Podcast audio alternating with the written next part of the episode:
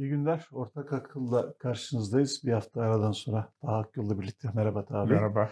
Ee, e, çokça gelişme oluyor. Rusya-Ukrayna e, krizi, Rusya'nın Ukrayna işgali e, bir insani dram e, ve soykırım e, boyutuna ulaşmış durumda ve e, dünyanın gündemindeki önemini devam ettiriyor. Bu arada e, bağlantılı e, Rusya-Ukrayna krizinde adı geçen ülkelerden bir tanesi Macaristan'da. Macaristan'da çok uzun bir sürede, belki iki senedir sonucun ne olacağı merak edilen seçimler e, yapıldı ve e, mevcut başbakan Orban yeniden kazandı ve bu büyük bir tartışma, en azından bir tartışma, e, analiz konusu oldu. Özellikle Türkiye'de. Onu konuşacağız. Ekonomide özellikle Türkiye'de konu olmasının sebebi popülist bir lider. Dış güçler söylemini çok kullanan bir lider. Ama ekonomiyi e, en azından dengede götürüyor. Ekonomisi evet. İyi götürüyor. Ekonomiye benziyor en azından. E, muhalefette e, 8 e, parti ittifak yapmıştı. E, İstanbul seçimlerine benzer şekilde e, Budapeşte seçimlerini kazanmışlardı ama genel seçimleri kaybetti. Hmm. Acaba Türkiye'de 2023 ne olacak sorusuyla ilişkili olarak çok ilgi çekti. Bununla ilgili e, tabii e, doçent Seda e, Demiralp bizimle birlikte olacak siyaset bilimci. Sanıyorum yeni profesör oldu. Onu da kendisine soralım. Eğer yeni profesör Öyle olduysa mi? kutlayalım. Yoksa hatamızı düzeltelim. Evet. Seda Hanım merhaba. Merhabalar, nasılsınız? İyiyim, teşekkürler. Ne oldunuz? Profesör oldunuz mu? Bu sene başlıyorum. Evet, tamam. Ha, o vakit profesör de diyebiliriz yani. E, yani işte senenin sonuna doğru inşallah. İnşallah, inşallah. Evet. E, yine de biz de tebrik edelim. E, başarılarınızın devamını evet. dileyelim. Şu anda Atina'dasınız. E, Atina'ya çok yakın Delphi'deyim şu anda. Ne yapıyorsunuz orada? Burada Delphi Forum'un e, katılımcılarından biriyim. Evet. Yani bunu uluslararası kariyerinizi e, belirtmek için e, söyledim. E, biz e, sizinle e, Macaristan konusunu e, konuşacağız. Mustafa Bey siz buyurun. Evet. Ee, Seda Hanım şimdi sizin yazınızı da ilgilenenler okudu. Ben de okudum. E, ve epeydir aslında yani Orban'a karşı muhalefetin benim bildiğim yani tartışmaların Türkiye'ye yansıyan kısmından iki yıldır acaba başarabilecekler mi ne yapacaklar orada bir model oluşuyor e, gibi biraz Avrupa'nın da ilgilendiği bir konuyu tabii yani Orban'ın anti Avrupa anti Avrupa Birliği tutumu otokrat tutumu e, ve e, popülist davranışları Avrupa'nın da radarına sokmuştu bu muhalefetin tavrını. E, uzun beklentiler, tartışmalardan sonra bir fiyasko aslında diyebileceğimiz sonuç ortaya çıktı.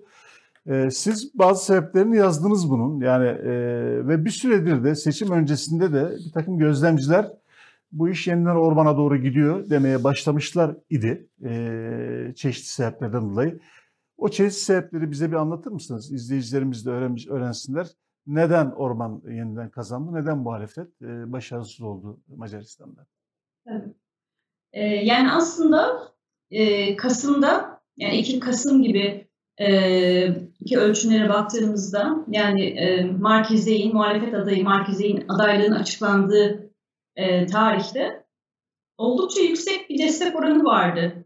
E, pek çok ölçüme göre Orban'ın bile e, üstündeydi destek oranı. Hı hı. Fakat zamanla e, işler değişmeye başladı. Özellikle seçimlere bir ay kala e, Ukrayna krizinin ortaya çıkmasıyla e, tablo bir anda değişti diyebiliriz ve bir anda Markize'in de e, oy oranı düşmeye başladı çok hızlı bir şekilde. E, burada iktidarın hamlesi çok önemliydi. Yani iktidar bir anda oyunu değiştirdi.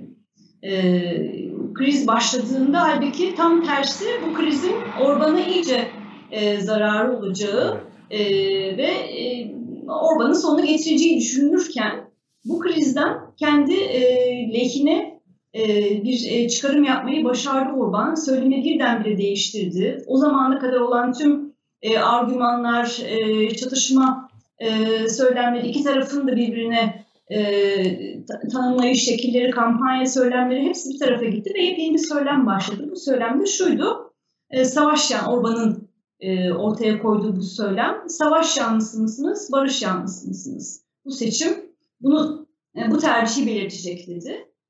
Ve muhalefeti savaş yanlısı olmakla suçladı.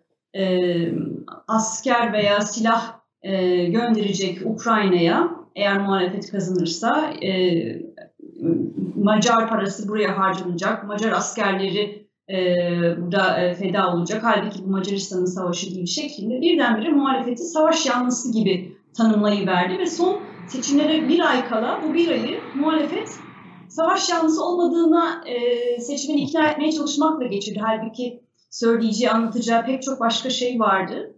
E, ve burada çok hızlı bir şekilde yokuş aşağı gider gibi muhalefet oylarının Markize'in destek e, oranının düşmeye başladığını gördük. Ve e, düştü ama yani 5-6 puan arkasına düşmüştü Orban'ın. Ve sonra seçim günü e, yaklaşık 19 e, bazı ölçümlere göre 20 puanla da kaybetmiş oldu. Yani birkaç faktör var burada aslında.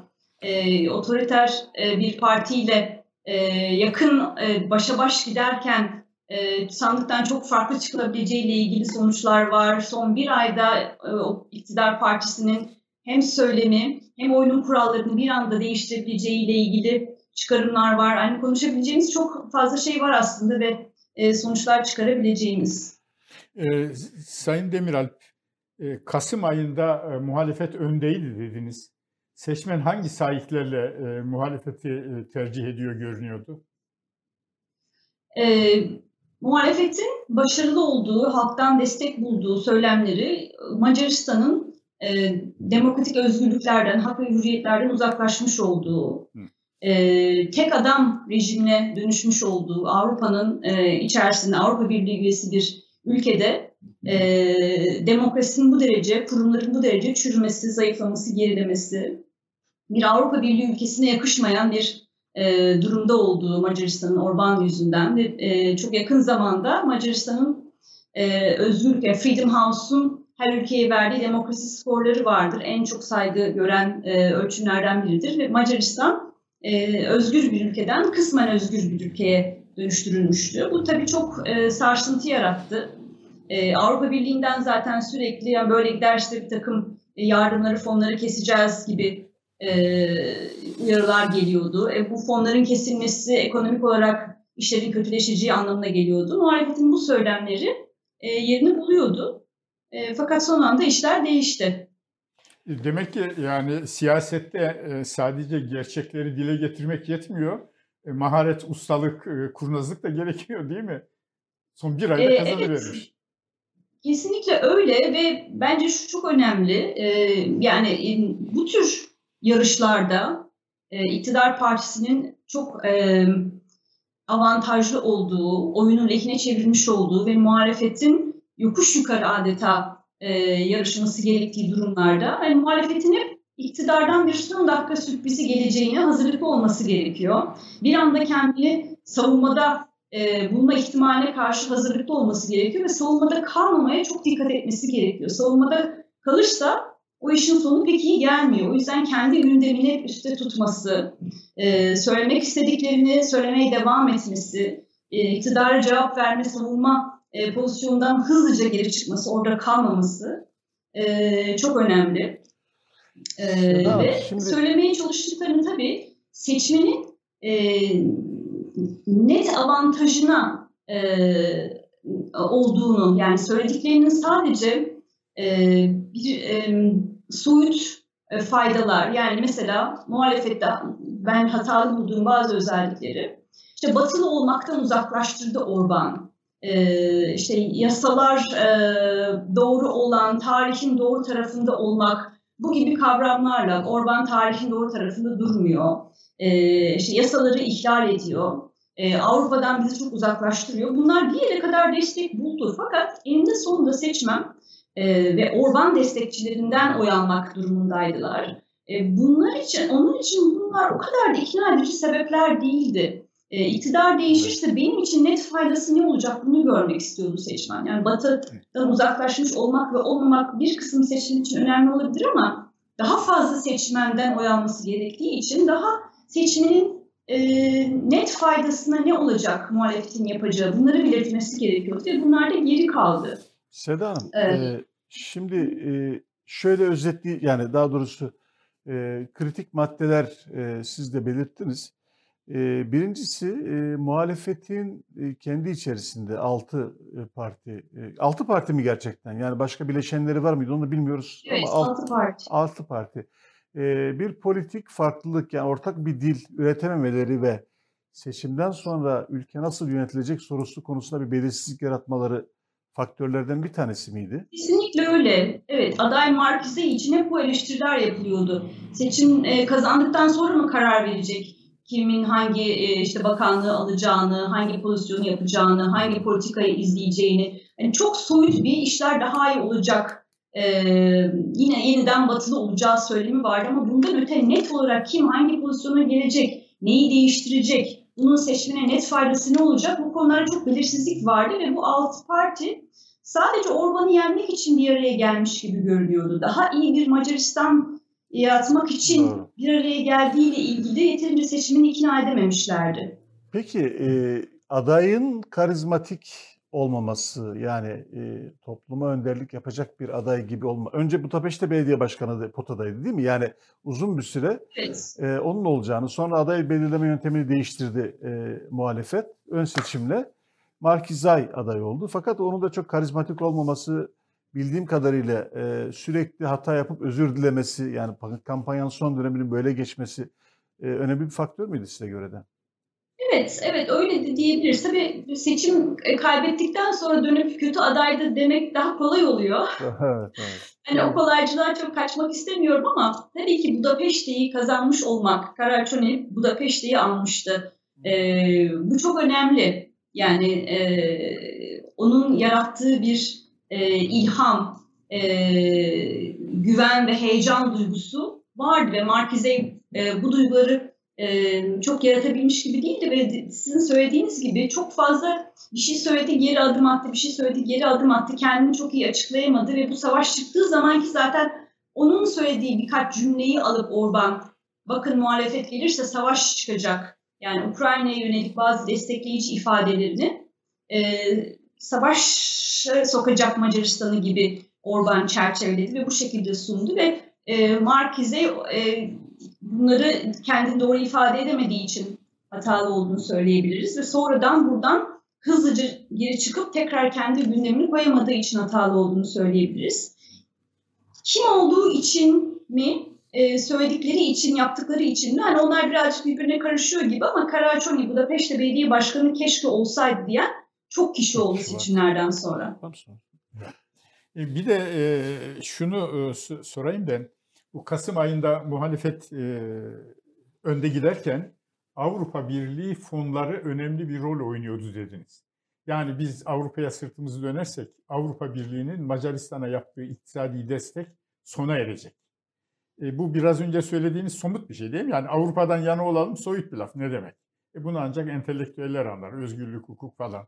Ama Avrupa'da aramız açılırsa yabancı sermaye gelmez. Avrupa ile aramız açılırsa Avrupa fonlarından Macaristan istifade edemez. Bu etkili oldu mu?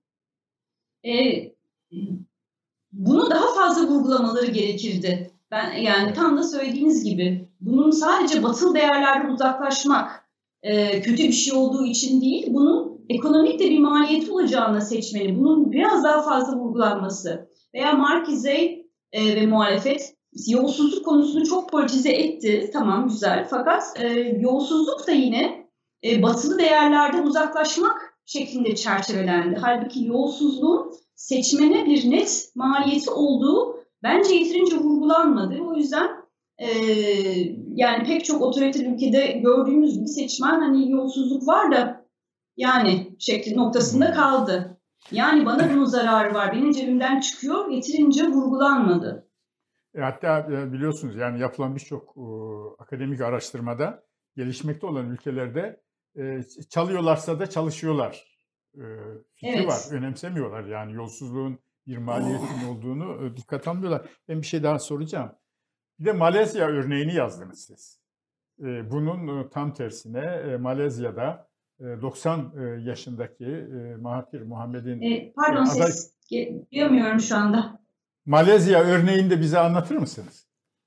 Evet, 2018 Malezya seçimlerinde e, çok ilham verici bir örnek olduğunu düşünüyorum.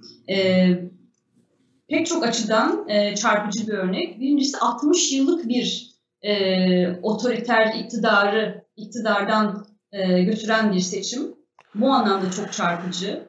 e, muhalefetin bir geniş bir ittifaktan oluşuyor olması ve bu muhalefet liderinin e, 92 yaşında bir e, lider olması açısından çok ilginç.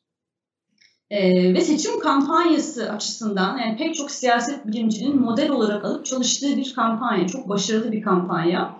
Ve bence e, Macaristan, e, Malezya e, karşılaştırması olarak baktığımızda da tam da e, ne yapılmalıydı Macaristan'da e, Malezya'ya baktığımızda görebiliyoruz. Çok benzer şartlar vardı. Mesela e, yolsuzluk Malezya'da da muhalefet çok politize ettiği bir durumdu. Çünkü e, çok ciddi bir yolsuzluk vardı ama hep bunu muhalefet e, işte 2015'te iktidarı uygulamaya başladığı bir vergi vardı. %6'lık bir e, satış vergisi. E, hiç popüler olmayan, halkı çok mutsuz eden. Tam da o sene yolsuzluk patlamıştı. Bu ikisi arasında çok iyi bir ilişki kurdu. Yolsuzluk e, ve bu şekilde israf olan e, kamusal kaynaklar sizden vergi toplanarak telafi edilmeye çalışılıyor şeklinde. Yani sizden eksilen başkalarına gidiyor. Sadece e, kamu kaynakları israf oluyor dediğinizde bunu bir kısım e, seçmen takip edebiliyor bunun sonucunda kendisine de bir maliyet olacağını ama açık açık bu şekilde söylemedikçe e, o hedefe ulaşılamayabiliyor. Mahathir liderliğindeki Malezya Muhalefet e, İttifakı e, seçim kampanyasında bunu çok net bir şekilde belirtti. E, kötü e, ekonomik yönetim, yolsuzluk e, seçmenin e, maliyetlidir şeklinde ve neyi farklı yapacaklarını da çok iyi belirttiler. Bence Macaristan ve Malezya arasındaki farklardan bir tanesi de bu. E, ben e, 100 günde 10 hedef şeklinde bir kampanyası var Malezya'nın ve e, onu e, inceledim ve yazdım. Çok çok evet. çok etkili olan bir kampanyaydı bu. E, bir kere çok detaylı bir çalışması vardı. Hani yüzeysel bir çalışma asla değil. 165 sayfalık bir e, geldiğimizde neyi yapacağız, kim yapacak, kim nereye gelecek, neyi değiştirecek şeklinde çok detaylı bir çalışmayı sonra bir sayfalık bir iktidar ilk 100 gününde ulaşılacak 10 hedef şeklinde özetlediler. Ve bunu her yerde yaydılar, tişörtlere bastırdılar, billboardlara koydular, e, afiş olarak dağıttılar. Bu tişörtlerden para da kazandılar. Çünkü kampanyayı desteklemek isteyen insanlar da satın aldı bunu. E, normalde bir kampanya destek verirken işte o e, verilen paranın nereye gittiği bazı kişilerde soru işareti uyandırabilir. Halbuki bu defa tişörtü alıyorlardı, giyiyorlardı ve bir yandan da üzerinde o 10 hedefle e, kampanyaya katkıda bulunmuş oluyorlardı onu giydikleri zaman. E, bu çok yaratıcı bir e, taktik olarak çalışıldı siyaset bilimciler tarafından. E, hatta iktidara geldikten sonra sivil toplum kuruluşları e, takip ettiler bu 100 gün boyunca e, yapıldı mı yapılmadı mı bu hedefler sözler tutuldu mu tutulmadı mı şeklinde. Yani takibinin de kolay olabileceğinin e, sinyalini veriyordu kampanya yapılırken bu kadar hocam, net bir şekilde söyleyince. Hocam, Halbuki e, Macaristan, buyurun. Ta, pardon, tamamlayın lütfen. Ya Macaristan'da bunu göremedik. Hep Markize'ye bu şekilde de eleştirildi. Evet. Tam olarak ne yapacaksın geldiğinde, kimi nereye getireceksin, neyi değiştireceksin şeklinde eleştiriler hep vardı aslında ve o, son aylarda iyice artmıştı. Orban'ın bir avantajı da ekonominin e, fena olmaması diyebilir miyiz? Yani ekonomiler ekonomiye benziyor Macarların çok zengin. 18 bin dolar kişi başına. Tabii Avrupa Avrupa Birliği standartlarında düşük ama düşük sonuçta bize göre çok iyi. E, sonuçta fena gitmiyor e, olması da bir avantaj mıydı? Yani insanlar evet. bu bunu kaybetmemeyi de... Yani tabii orada da yani %7 yaklaşık bir civarında enflasyon vardı. Avrupa'daki pek çok yer gibi e, onlar da şimdi Amerika'da Avrupa'da %7 enflasyona e, seçmen çok tepki veriyor ve şikayet ediyorlar. Evet. Halbuki bizim e, enflasyon oranlarımızın yanında az kalsa bile ama yine de e, bu Orban'a bağlanmıyordu bu durumda. Pandemi olmuş, e, tümü dünyanın içinden geçtiği. Yani yüzde yedi civarı e, çok yaygın bir rakam olduğu için Avrupa boyunca Kuzey Amerika'da hep bu rakamı duyuyoruz. Yüzde altı buçuk, yüzde yedi, yüzde yedi buçuk şeklinde. Ayıp sayılmıyordu ee, yani. bu rakam nasıl? ayıp say bu bir ayıp ya da bir eksiklik sayılmıyor hükümetler için. Yani bir Çok standart, sayılmadı. Evet. Yani daha global koşullara bağlandı. Ancak işte muhalefet şunu umdu e, birazcık. E, yani şimdi bu e, Ukrayna krizinden birlikte petrol ve gaz fiyatları artacak. E, ve o zaman hani Orban'ın bazı kötü politikalarının sürdürülemezliği görülecek. Çünkü işte bir takım e, geri dağıtımlar, transferler yapıyordu ve bunların e, sürdürülebilir olmadığı ile ilgili iddialar var. Yani şu an ekonomi çok fena görünmüyor ama bunlar sürdürülebilir değil e, meselesi vardı. Bunu ne kadar iyi anlatabildi muhalefet, ne kadar iyi anlatamadı bilmiyoruz ama e, yani tartışabiliriz ama e, Ukrayna kriziyle işlerin kötüleşeceği maliyet açısından e, söylemi varken Orban bunu da tam tersine çevirdi. Muhalefet gelirse sizi savaşa sokacak ve e, cebiniz iyice zarar görecek Gerçekten. şeklinde. E, ve yani iktidarı götüreceği düşünülen bir krizi iktidar tam tersine çevirebildi. O yüzden muhalefetlerin krizlere de güvenmemeleri, e, kendilerine doğru. güvenmeleri gerekiyor. Kendi söylemlerini öne çıkarmaları gerekiyor. Ben soracaklar. Ha, bir, o zaman yani e, sizi şey şaşırtıyor mu e, e, Seda Hanım? Yani Avrupa sonuçta belirli bir e, siyasal kültür e, ve e, bir gözlem yeteneği olduğunu düşündüğümüz e, bir halk ve Macaristan'da bunun bir parçası ama popülizm, tutarsızlık, çelişki, algı operasyonları değil mi? Son dönemde işte e, olmayan bir takım iddialar da ortaya attılar ve tuttu bu. Bütün bunların işe yarıyor oluşu, e, tabii ki tek başına faktör bu değil. Sizin anlattığınız gibi muhalefet de zayıftı ama e, bu pop, e, popüler liderlik tarzının, e, yalan söylemenin, e, abartmanın, korkutmanın. korkutmanın işe yaramasını anlatır mısınız? Bu nasıl e, sonuç alabildi? Ee, yani popülizm maalesef son 20 yılda bütün dünyayı e, etkisi altına alan e, ve e, tüm dünyada demokratik gerilemelere yol açan bir akım oldu. Yani en demokratik ülkelerde bile, Amerika'da bile e, yani demokratik ölçümlerde Trump döneminde demokrasinin gerileştiği, gerilediği ölçülde hep. E, bazı ülkelerde demokrasi geleneğinin daha az olduğu ülkeler daha kırılgan oluyor. E, yani olumlu bir tecrübeniz varsa geçmişte o sizi daha sağlam tutuyor ama e, bu tecrübeniz azsa ve tam tersi olumsuz tecrübeler taze ise bu daha kolay gerilemenize yol açıyor. Macaristan'da daha yani e, çok daha genç bir demokrasi e, olduğu için daha çabuk etkilendi.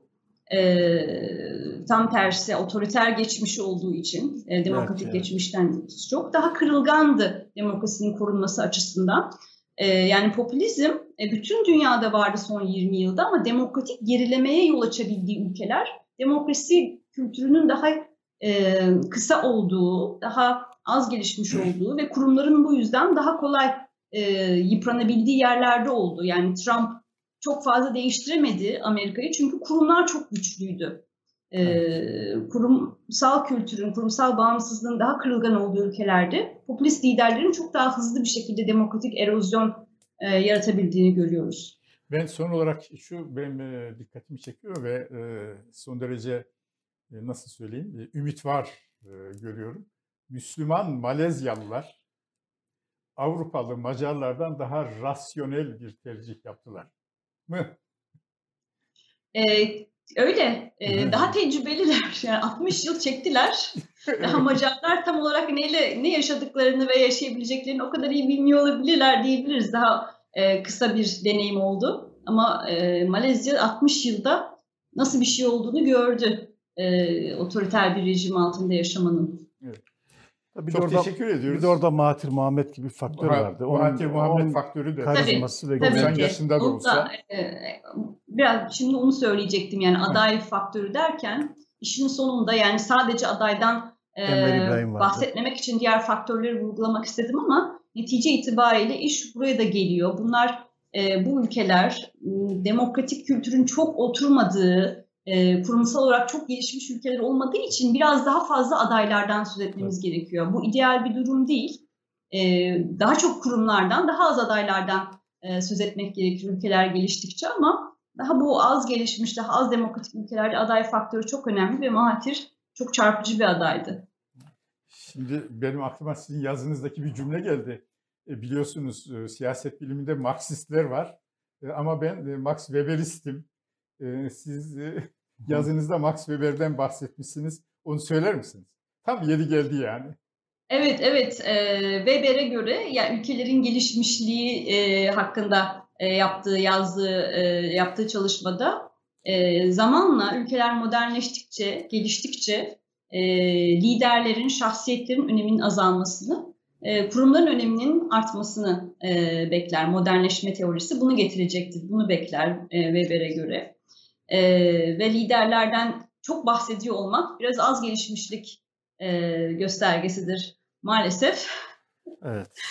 Seda Daha Bey'in e, kitabında da bu çok güzel işlenmiş. Estağfurullah rica ederim. Çok teşekkür ederim. Seda Hanım biz e, sizi yolcu ederim. E, eminim orada programınız yoğun. Katıldığınız için teşekkürler. Fakat çok teşekkür ediyoruz. Türkiye'deki siyaset tabiatı gereği biz az gelişmiş bir sohbete devam etmek zorundayız. Sizden sonra liderler üzerinden konuşarak.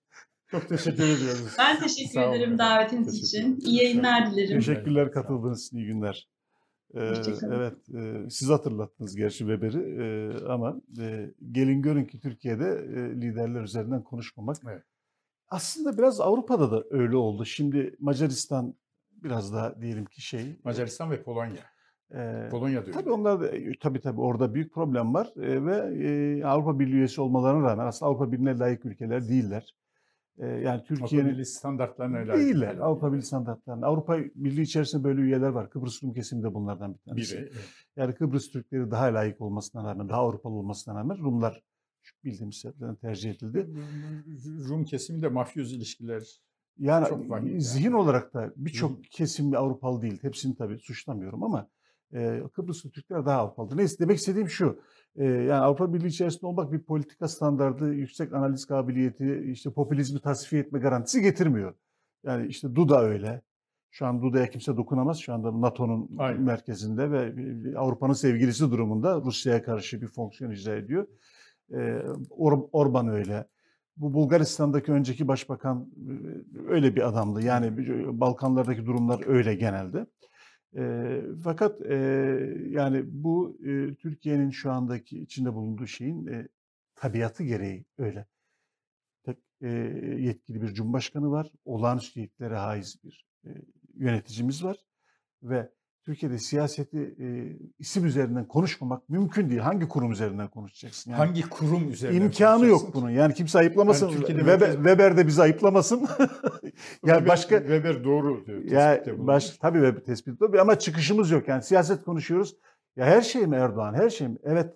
Çünkü bütün e, karar verici tek adam o. Bütün kararları o veriyor. Bütün verilen kararları değiştirme imkanına sahip e, boşlukta bir şey kalmışsa onu üzerine alma etkisine sahip. Diyelim ki varlık fonu başkanlığı falan neyse bütün bunların şey olabiliyor. E, kendisinin olmadığı bir alan tarif etmek mümkün değil. O yüzden Weber'de, Marx'ta kimse kusura bakmasınlar evet, biz böyle evet, konuşacağız. Evet. Ee, Mustafa Bey ben size bir soru soracağım. Yeryüzünde siz gerek okumalarınızdan gerek gazeteci olarak takiplerinizden Merkez Bankası'nı önemsizleştirdik diyen bir mali ve hazine ve bunda övünen yeryüzünde gördünüz ve bunda övünen ve bunda övünen. bunda övünen ve işte kurumlar yerine kişiler hakim olunca bu oluyor. Şimdi, Göğsünü gere gere e, Sayın Nebati çıkıyor diyor ki Merkez Bankası'nı önemsizleştir.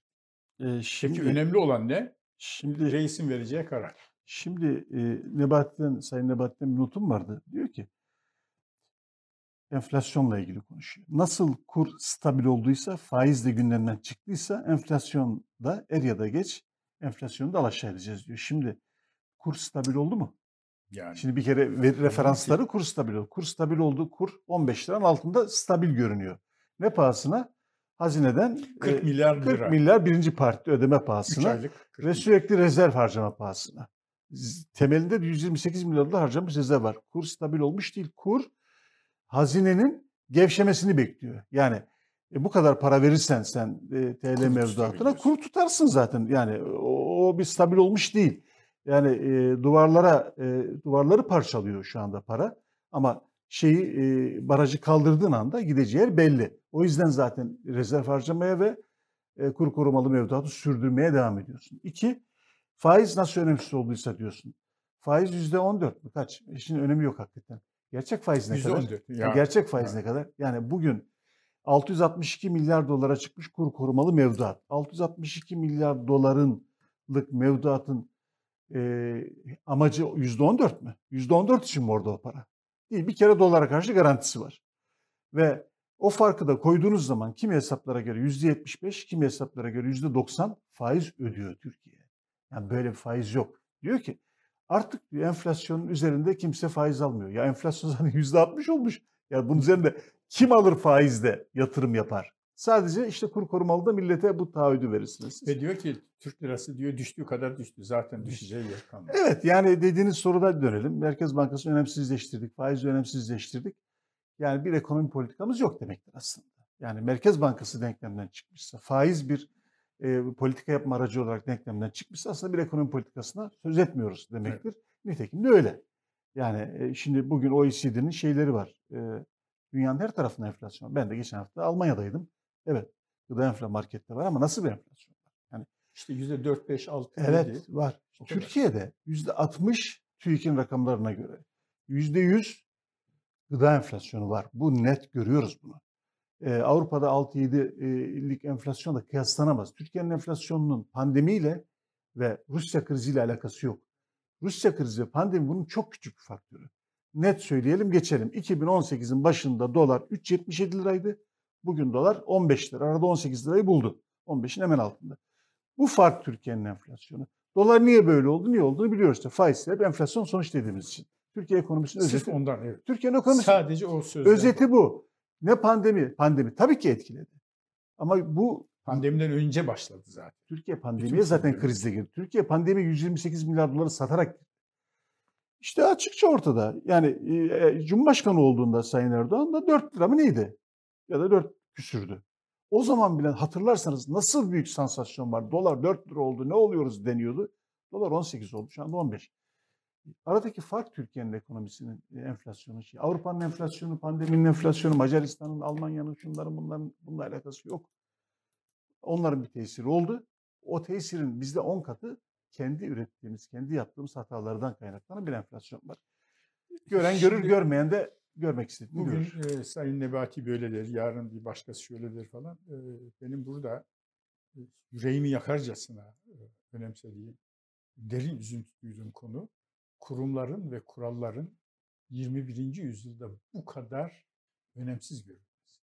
Sokaktaki vatandaş tarafından değil, bir partinin üst düzeyinde bir devlet yönetiminin Hazine ve Sanayi Bakanlığı'nda e, görev almış olan bir zatın evet. Merkez Bankası'nı önemsizleştirdik diye.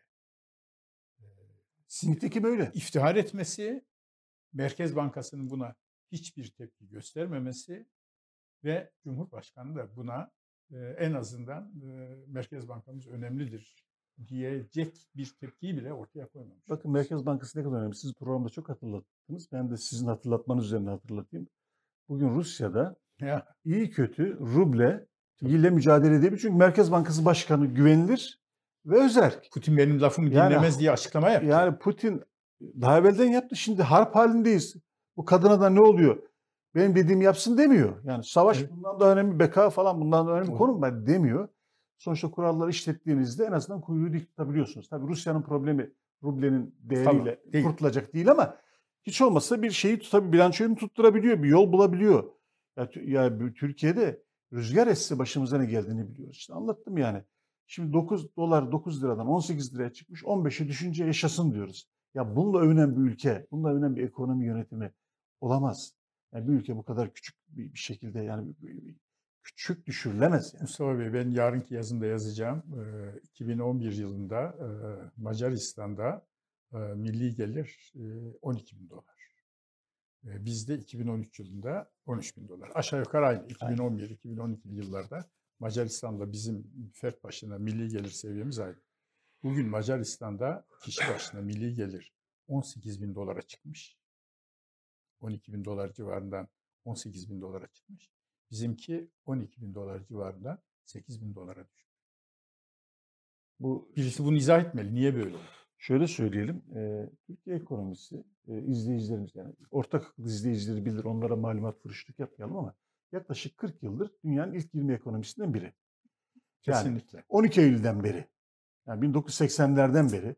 Yani o en berbat koalisyon dönemlerinde de e, darbe sonrası dönemde de işte Özal'la başlayan e, hep ilk 20 ekonomi Çünkü nüfusumuz büyük. Belirli bir üretim kapasitemiz hep var. Evet. Bu da sizi yani kişi başına geldi de ilk 20'de değiliz. Ekonomi büyüklükte gayri safi milli hasıla da büyüyoruz. Şimdi AK Parti döneminde 16'lara yükselmişti. AK Parti'nin bildiğimiz ilk döneminde. Şimdi 20. hatta 21'e gerilemek durumundayız. Bir. AK Parti iktidara geldiğinde milli dünya kişi başına milli gelir sıralamasında 60 küsürlerdeydik şimdi 70'lere geriledik. Yani Macaristan 61. sırada Tabii. biz 71 72 o tabii sırada. şimdi neden? Şimdi burada evet Türkiye'de bir takım şeyler oldu ama bütün dünya ekonomisi büyüyor.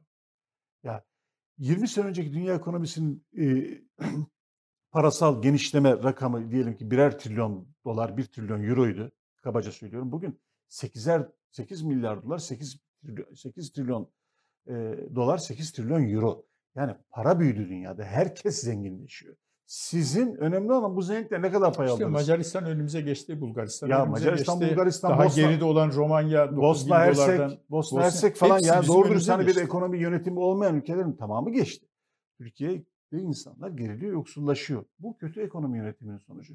Bunu bunu söylerken insafsızlık mı yapıyoruz? Hayır. Aynı AK Parti çok iyi dönemleri vardı ve dünyadan pozitif ayrıştığı dönemler de vardı. Yani rakamlarımızın dünya bu saydığımız ülkeler çok, çok doğru. Ama şu çok e, vahim. AK Parti'nin kendisi biz hangi politikalarla dünyanın imrendiği milli gelirimizi 3 bin dolardan 12 bin dolara çıkardığımız bir seviyeye geldik. Hangi politikalarla da bunu batırdık diye düşünmüyor. Onu dedi ya. 19 yıldır yanlış yapmış. Şimdi doğruyu gördük dedi ya. E, 19 Yani- yıl yanlış yaptıysa De- 12 bin dolar yanlıştı. Tabii tabii. Yani orada çelişki çok Şimdi büyük. şeyi konuşalım. Bu Sayın Seda Demiralp'in söylediği Malezya muhalefeti neyi farklı yapacaklarını çok iyi anlattılar. 100 günde 10 hedef ortaya koydular. Hangi kritik görevleri kimileri getireceklerini açıkladılar. Bu seçmende beni nasıl yönetecekler, beni nereden alıp nereye götürecekler konusunda bir güven oluşturuyor. Şeyse e, Macaristan'da ise Avrupa Birliği, Batı medeniyeti falan gibi e, felsefi olarak e, tercih kalitesi ne olursa olsun e, günlük hayatını vatandaşın etkilemeyen bir şey. Savaş olsun mu olmasın diyerek de günlük hayatına seslenen Orban kazanıyor. Buradan gelelim bizim muhalefet, bizim alt partiye. Ne diyorsunuz?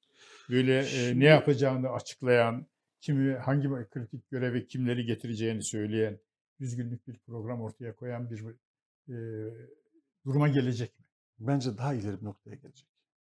Bunu anlat.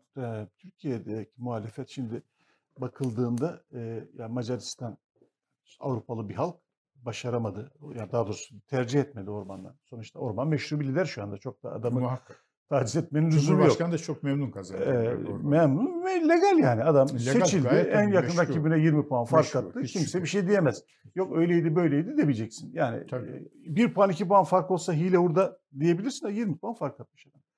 Şimdi e, Türkiye'de muhalefet tecrübeli.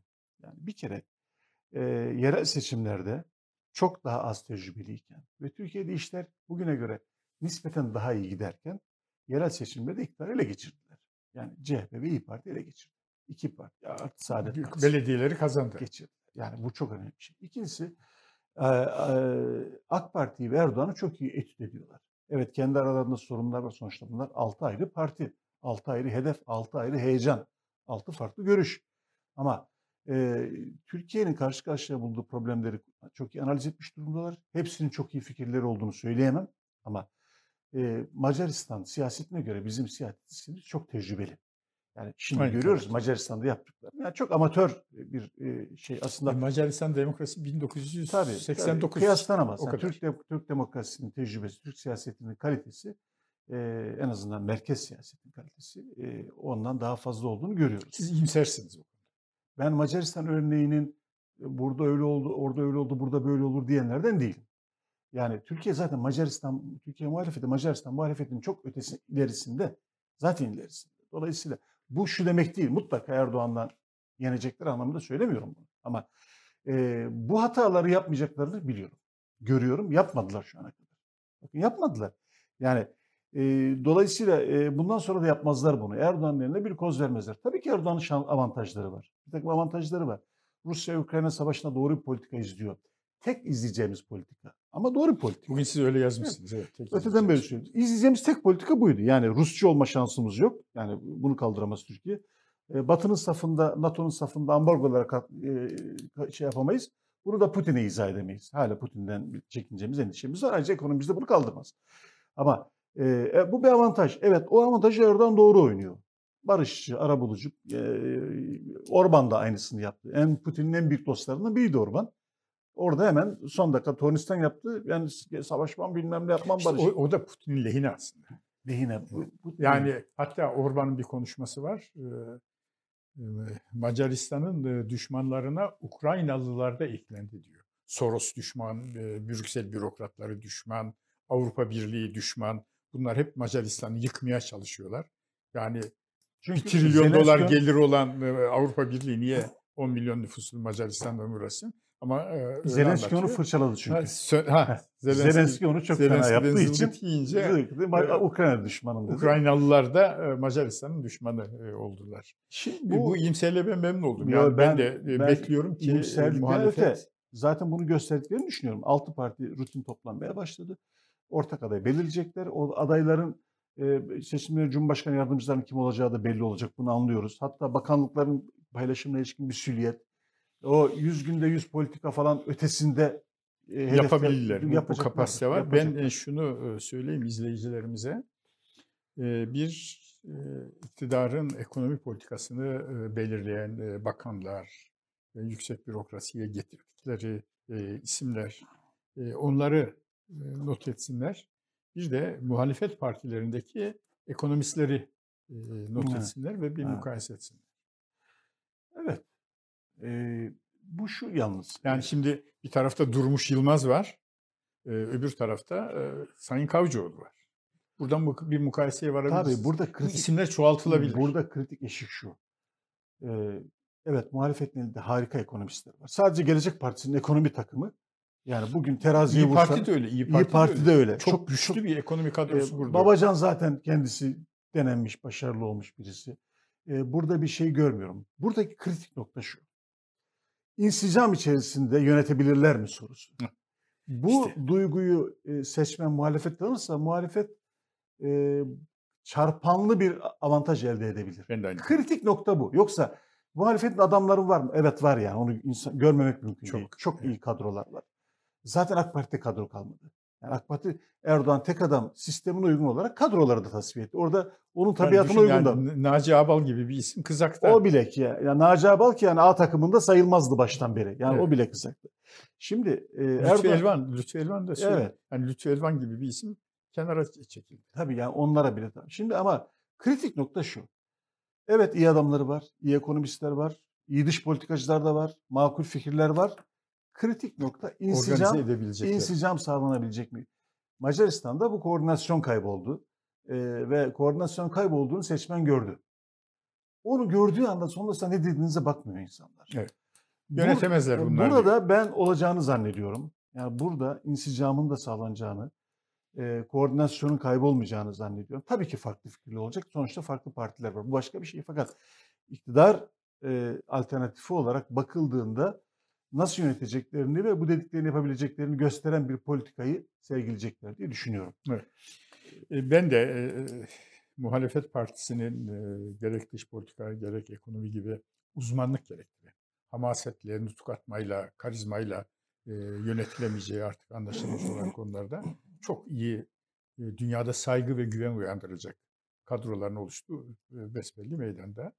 Böyle bir program açıklayabilmeleri çok kolay. Yani bir hafta on gün içerisinde böyle bir programı yazabilirler. Mahathir Muhammed'in yazdığı programın belki daha iyisini yazabilirler. Ama dediğiniz gibi bunların arasında ahenk olması ve bunların gösterileceği Cumhurbaşkanı adayının bunları derleyip toparlayıp organize edebilecek bir isim olması son derece önemli. Biraz Rusya'yı konuşalım. Evet.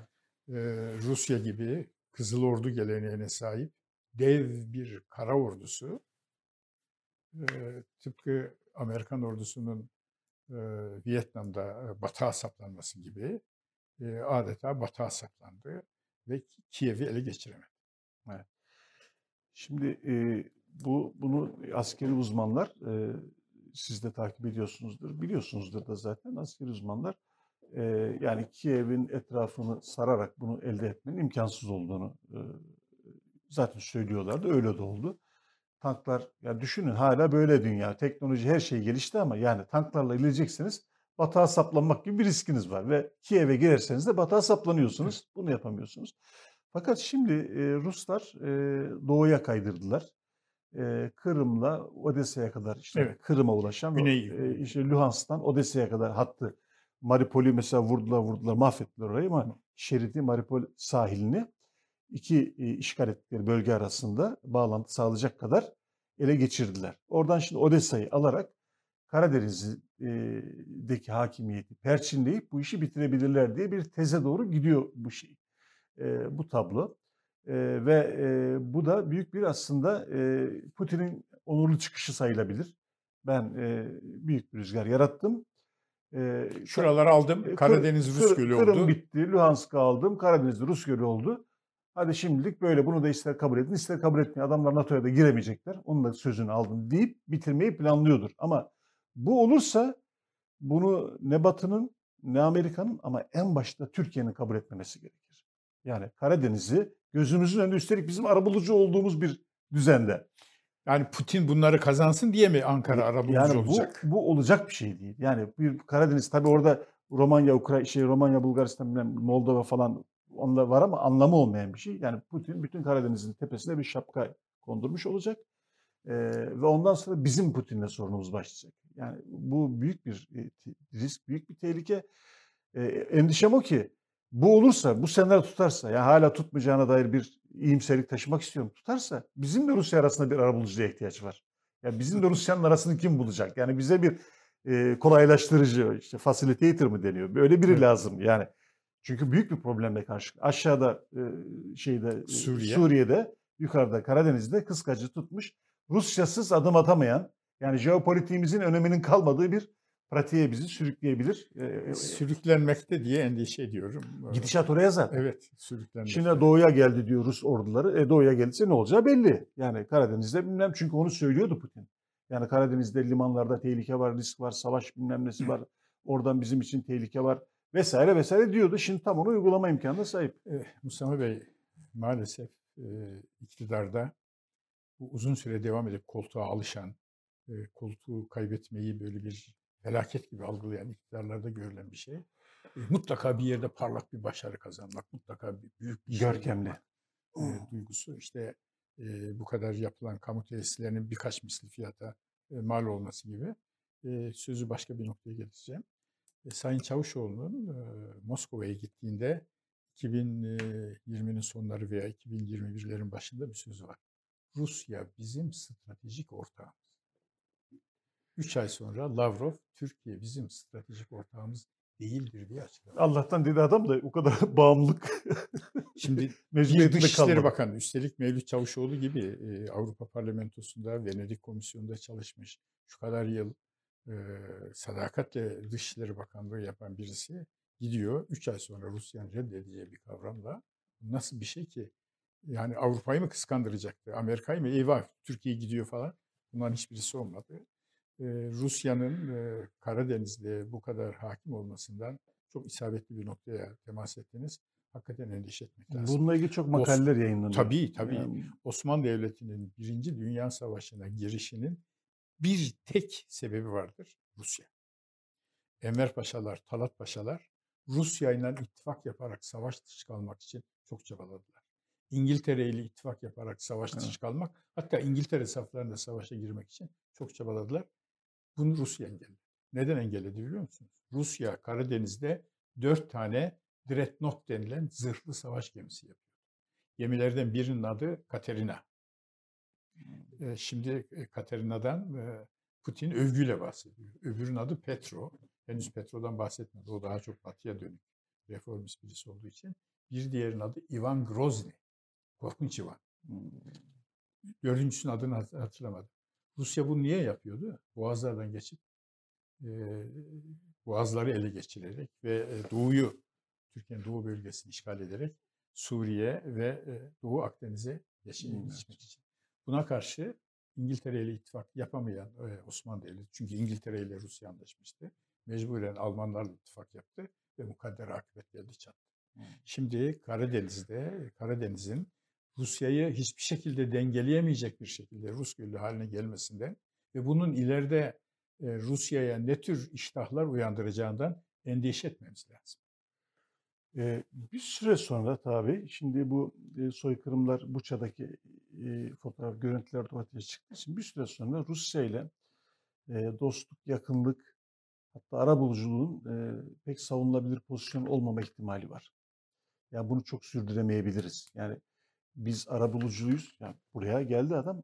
Burada olsun dedik. İki heyet buraya geldi. Liderlerle Gösteri yapıp oy kazanacağız. Cumhurbaşkanı, Cumhurbaşkanı e, Erdoğan liderlerle görüştü. A, o sırada adam Mersem katliam yapıyormuş. Yani böyle bir e, lidere, böyle bir ülkeye arabuluculuk yapmak, böyle bir ülkeye zemin hazırlamak da problemli hale gelebilir. Bir ikincisi bu şunu garanti ediyor yalnız. Ya işte uluslararası toplum savaş suçları büyük ülkeler uygulanmıyor falan filan deniyor. Fakat ortaya çıkan görüntüler savaş e, savaş suçu olduğu kesin. Belki Ruslar yargılanamaz ama bence yargılanacaklar da. Evet. Bu ihtimali çok yüksek görüyorum. Çünkü bu ambargolardan kurtulmak için Rusya çok adamını Uluslararası Savaş Suçları Mahkemesi'ne teslim etmek zorunda. Teslim etmek zorunda. Tıpkı Kal- Sırplar gibi. Kalacak. Tıpkı Sırplar Sırp gibi. Cumhurbaşkanlığı, Sırplar Cumhurbaşkanlarını gönderdiler tabii, tabii, mahkemeye. Adam orada öldü. Yargılandı hapishanede. Bu, bunu bilelim. Yani öldü. yok Rusya büyük ülke kimse yapamaz değil mi? Yani Rusya'nın başındaki bela şu anda Ukrayna'daki bataklığından ziyade ambargo bataklığı. Ve o ambargodan kurtulmak için bu savaş suçlarının faturasını kesecekleri bir liste Batı'ya teslim etmek zorunda, Lahey'e teslim etmek zorunda kalacaklar. Bunlar önemli şeyler. Dolayısıyla Rusya'yı giderek savunmak, Rusya'yla birlikte yan yana durmak giderek zorlaşıyor. Başta evet barış olsun, kardeşlik olsun biz bunu gerçekten Türkiye bunu istiyor.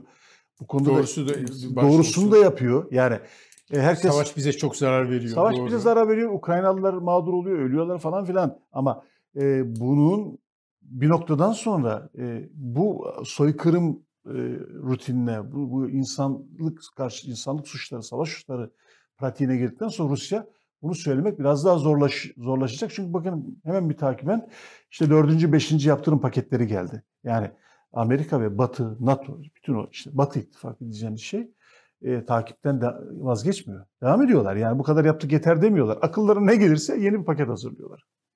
Evet.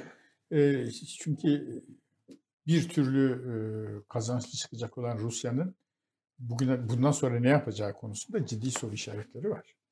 Yani Rusya'nın e, Putin iktidara geldiği zamanki muhtedi uzlaşmacı, e, Batı yanlısı, Batı değerlerine referans yapan e, bir durumu var. Güçlendikten sonra dünyaya meydan okuyan, e, 2018'de e, Putin yeni geliştirdikleri 5 tane füze açıkladı. Onlardan Hançer adlı füzeyi şimdi kullanıyorlar. E, niye hazırlıyorsun kardeşim? Sana kim saldıracak? E, bu, bu potansiyelden e, Türkiye'nin korkması lazım. Aslında şunu bizim görmemiz lazım. Osmanlı Devleti'nin ve Türkiye Cumhuriyeti'nin aşağı yukarı 300 yıllık bir e, modern dönemde, modern dönemde diyeyim silahların modernize olduğu, düşüncenin rasyonalize olduğu dönemde bir politika birikimi var. Bu birikim Türkiye'nin sabit ayağının batı olmasını gerektiriyor. Tanzimat devrinde de böyle, Abdülhamit devrinde de böyle. Abdülhamit İngiliz Büyükelçisini tokatlamıyordu. En çok değer verdiği, tamam. iltifat ettiği İngiliz Büyükelçisiydi. Tamam. Hatta bir türlü amcam Abdülaziz gibi, Abdülhamit'in sözü bu, e, devrilirsem İngiliz e, sefaretine sığınırım şeklinde tavır vardı. Daha da önemlisi İngiltere Rusya ile anlaşınca Abdülhamit ne yaptı? Almanya ile anlaştı. Bizim ordumuza Alman terbiyesinin, Enver Paşaları yetiştiren Alman terbiyesinin girmesinin e, mimarı e, Sultan Abdülhamit'tir. Evet. Atatürk'ün zaten e, Batı yanlısı, e, Batı ittifakına değer veren, yönelen e, bir e, siyaset izlediği belli. Demokrat Parti'nin e, böyle bir siyaset izlediği belli. Şimdi sen bunların hepsini çıkar. Rusya bizim stratejik ortağımız diye. Rusya da çıksın seni ters yüz ederek hayır bizim o stratejik ortağımız değilsiniz desin. Türkiye'nin evet. düştüğü durumu görüyor musun? Bu 300 yıllık deneyi hiç yaşamamış Yaşamamış. Afrika kabilesi miyiz biz? İşte yani? kurumsallaşma, ha. gelenek ve tecrübeyi de kopardığı ha, için işte e, bu sonuçlar kaçınılmaz bir oluyor. kurum olan e, Dışişleri Bakanlığı'nın kurumsal hafızasını dikkate almazsan e, o hesabıyla yaparsan maalesef böyle. Endişe verici. Dün e, biliyorsunuz şey oldu. E, Dışişleri Bakanlığı e, Amerika Kongresi'nde bir yazı yazarak F-16'ları Türkiye'ye verelim. Evet. E, bu NATO'nun ve Amerika'nın çıkarınıdır dedi. Eş zamanlı olarak da S-400'lerle ilgili olarak da Türkler cezasını ödediler. F-35'ten onları çıkardık dediler. Şimdi F-16'ların bize verilme ihtimaline mi sevinsek? F-35'lerin tamamen kapanmış olma e, durumuna mı üzülsek? Ki mukayese edilemez. Yani mukayese edilebilir çok canım. sıradan yani, bir şey. yani bir, bir nesil bir nesil eski bir uçak. teknoloji imkanını kaybetti. Bir nesil eski uçak. Biz onlara e, fit olduk. Onlarla yetinme e, noktasındayız. E, teknolojinin bu kadar geliştiği, yani üzerinde iki nesil daha uçak var. F-35'ten sonra bir gelişmiş uçağı da var. Amerika herkese vermiyor, İsrail'e veriyor sadece. E, F-20 galiba, başka bir model. E, şimdi biz e, bir yandan F-16 Amerika ile ilişkileri düzelmesi içerisinde olumlu bir şey. Bu son e, NATO Rusya şey Ukrayna Rusya krizinin bir sonucu olduğu aşikar ama S-400'ün cezasını da bağıtlamış oldular. Yani e, temize gidilemez noktaya getirdiler. Yani artık orada S-400'ü aldılar. Biz de onları F-35'ten çıkardık ki çıkardılar zaten malum. Hatta Türkiye'deki partnerların işlerini başka ülkelerde başka şirketlere verdiler. Yani Evet, ta, üzerine tamamen kül döktüler o işin. Yani Türkiye adına. Hangisine sevinsek, hangisini üzülsek anlayamadım. Yok, Fakat... bunun üçüncüsü de var. o iki hangisinde başka bir üçüncüsü var. Üçüncüsü de S-400'ler. Niye aldık? Ha onlar bir işe yaramayacağı belli canım artık onu. onu. Niye verdik o parayı? Değil Ben verdim, ben yaptım. E, Kimle karışır gibi bir şey oldu. E işte geldiğimiz nokta 12 bin evet. dolar milli gelirden 8 bin dolar Tabii. milli geliri düşmüş olmak ey diye dünyaya meydan okumaktan geldiğimiz noktada Rusya bizim stratejik ortağımızdır deyip Rus Dışişleri Bakanı'ndan hayır değilsiniz kardeşim diyerek terslendi. Maalesef. E, fakat Ruslar bu sıralarda pek ters demiyorlar. Övgü üzerine övgü diziyorlar. Türkiye biliyorsunuz ne kadar sıkıştıklarının da tabii, bir tabii. göstergesi yani. O Türkiye'yi e, aman e, hiç duyulmayacak laflar ya. Acayip duyulmayacak laflar yani. Hayranlarmış. Çok çok büyük hayranlıkları varmış. Evet. Peki efendim. Evet. Gelecek ee, hafta, görüşmek, hafta üzere. görüşmek üzere sevgili seyirciler. İyi günler, iyi haftalar diliyoruz. Ben de gelecek hafta görüşmek üzere. Hepinize iyi hafta sonları diliyorum.